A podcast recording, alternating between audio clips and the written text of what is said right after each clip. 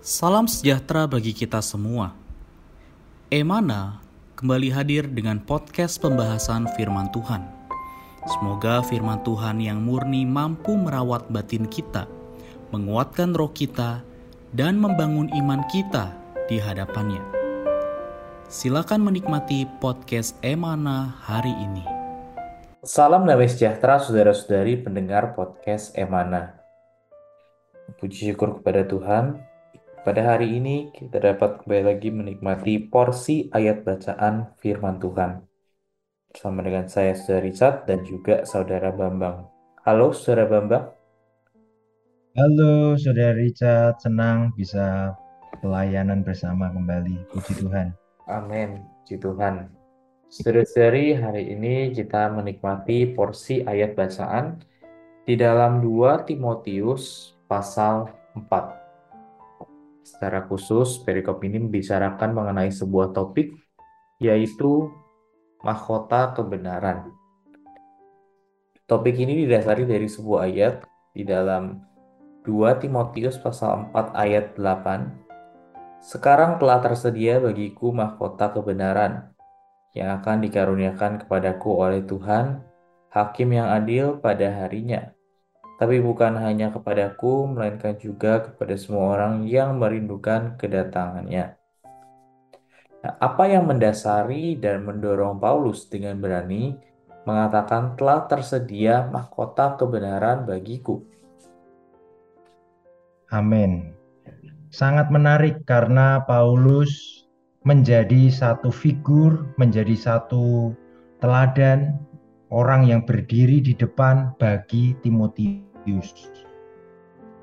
Dia mengatakan ya dia aku telah mencapai garis akhir dan aku telah memelihara iman.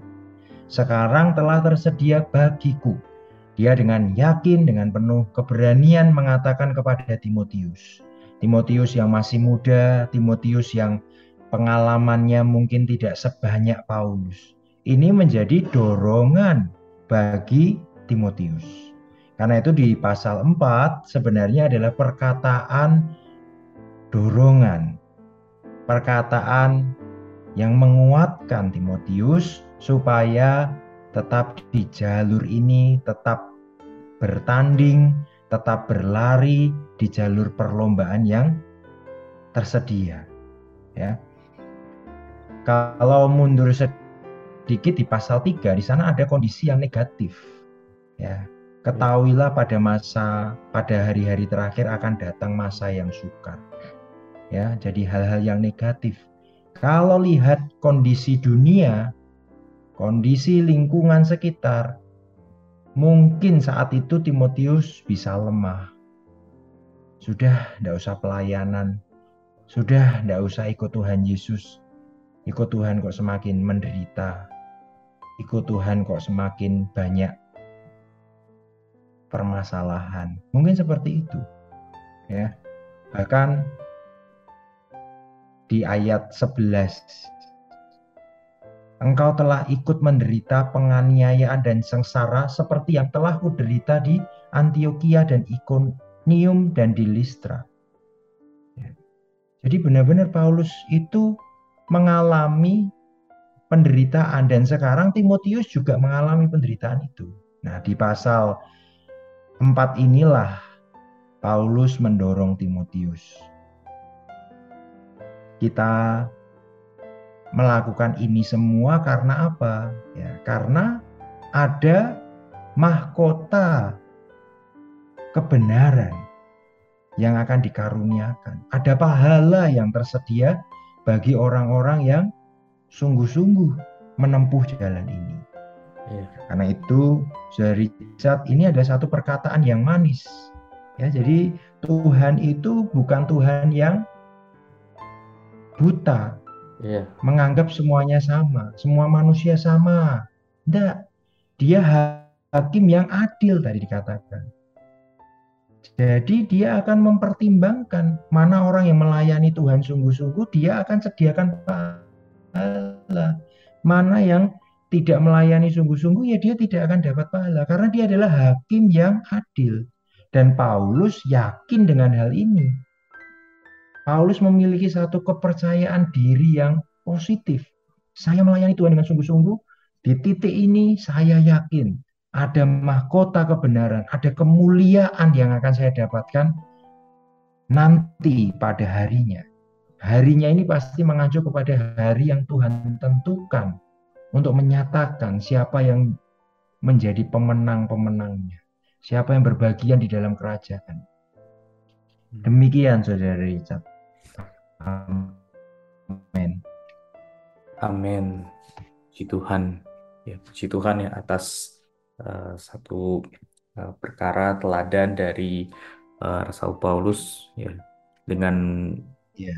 di sini bahwa Paulus mengetahui dengan pasti bahwa Tuhan hakim sebagai hakim yang adil ya pasti suatu hari kelak akan mengaruniakan mahkota kebenaran kepadanya sesuai dengan keadilannya pada harinya.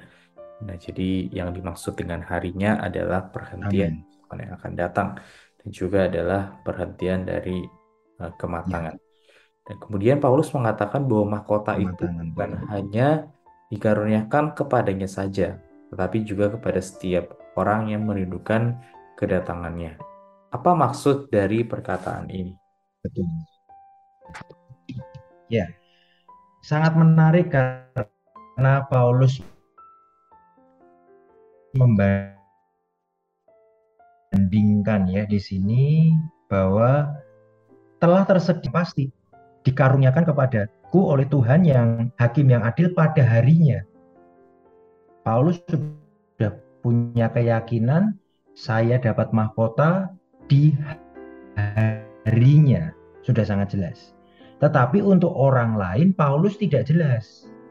Paulus tidak bisa memastikan. Kenapa? Karena di, di, di kondisi orang lain, Paulus tidak tahu. Tetapi Paulus berkeyakinan bahwa mahkota ini akan didapatkan juga oleh orang yang merindukan Tuhan. Karena saya membantu dan saya sudah dapat. Kalau kamu merindukan Tuhan, kamu juga akan dapat. Kalau kamu merindukan Tuhan, pasti kamu akan seperti saya, menderita bagi Tuhan, melayani Tuhan sungguh-sungguh, mengasihi Tuhan, menantikan kedatangan Tuhan. Dikatakan kepada semua orang yang merindukan kedatangannya. Jadi kata kedatangannya ini berhubungan dengan kata harinya yang Paulus katakan sebelumnya. Telah tersedia bagiku tetapi juga bagi semua orang. Pada harinya pada kedatangannya. Jadi kalau kita kompe, apa kita hubungkan demikian Saudara Richard. Karena itu penting sekali bagi kita melihat mahkota yang tersedia. Karena itu kita harus terus berlari seperti di 1 Korintus 9 ayat 25. Kita menjadi pelari, kita harus mengakhiri pertandingan ini dengan satu kemenangan.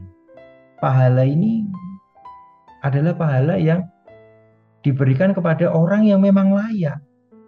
Ya. Pahala ini bukan pahala anugerah seperti keselamatan yang kita terima karena percaya Tuhan Yesus.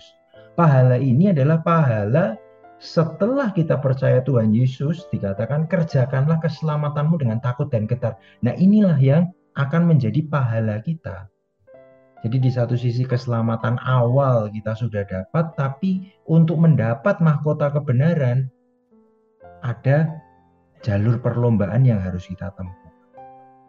Di satu sisi Tuhan adalah gembala yang baik, tapi nanti dia akan menjadi hakim yang adil. Masakah kita sama dengan Paulus? Paulus berjeri lelah, menderita. Ya sekarang kita percaya Tuhan, hidup santai, Nanti sama ketemu dengan Paulus di sana dapat mahkota. Loh, ya Paulus enggak enggak terima dong. Loh, Tuhan kok tidak adil, saya menderita dapat mahkota. Dia enggak menderita kok enggak juga dapat mahkota. Tahu gitu saya juga enggak menderita.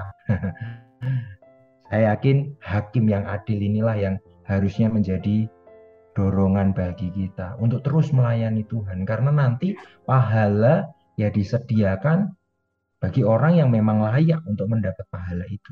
Demikian Saudara Richard, itu nanti ya pada hari kedatangan Tuhan kali kedua dia akan menjadi hakim yang adil untuk semua orang. Amin. Amin. Ya puji Tuhan ya bahwa semoga ini menjadi uh, teladan motivasi kita ya, sehingga dalam kehidupan kita ya, kita ya baik-baik um, kasih dan melayani Tuhan ya sehingga ya, dengan demikian pahala ini juga dapat diberikan kepada kita ya, berdasarkan kebenaran dan melalui uh, perbuatan ya tidak seperti keselamatan yang diberikan berdasarkan anugerah dan melalui iman. Karena di sini Paulus yakin bahwa pahala sedemikian telah uh, disimpan untuknya dan akan diberikan kepadanya pada hari kedatangan Tuhan kali kedua. Ya, sehingga semoga dengan demikian uh, kita juga dapat menjadi orang yang uh, menerima uh, mahkota ini ya melalui kita senantiasa merindukan kedatangan Tuhan. Baik, sebagai penutup kesimpulan, Saudara Bapak dapat memimpin kita di dalam doa. Mari saudara-saudari pendengar podcast Emana yang terkasih, kita bersama-sama berdoa dan memiliki satu semangat, dorongan yang kuat untuk bisa seperti Paulus memiliki keyakinan penuh bahwa telah tersedia mahkota kebenaran. Memang kekuatan kita tidak seberapa, memang kemampuan kita terbatas, karena itu kita terus perlu bersandar Tuhan. Mari kita berdoa. Tuhan terima kasih perkataan Paulus menguatkan kami. Bagi dia telah tersedia mahkota kebenaran. Tetapi tidak hanya kepada Paulus, melainkan juga kepada semua orang.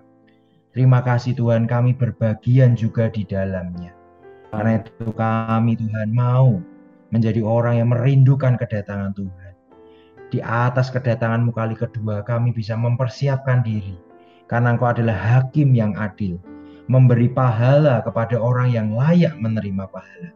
Karena itu Tuhan kami mau seperti Paulus berjeri lelah, bersungguh-sungguh menjadi pelari yang mencapai sasaran untuk bisa mendapat pahala. Terima kasih Tuhan Yesus, di dalam namamu kami berdoa. Amin. Terima kasih Saudara Bambang atas sharingnya hari ini. Tuhan Yesus memberkati. Amin. Tuhan Yesus memberkati Saudara Richard. Sekian pembahasan firman porsi hari ini. Sampai jumpa di podcast berikutnya. Jangan lupa untuk download aplikasi Emana pada handphone Anda untuk manfaat yang lebih banyak. Tuhan Yesus memberkati.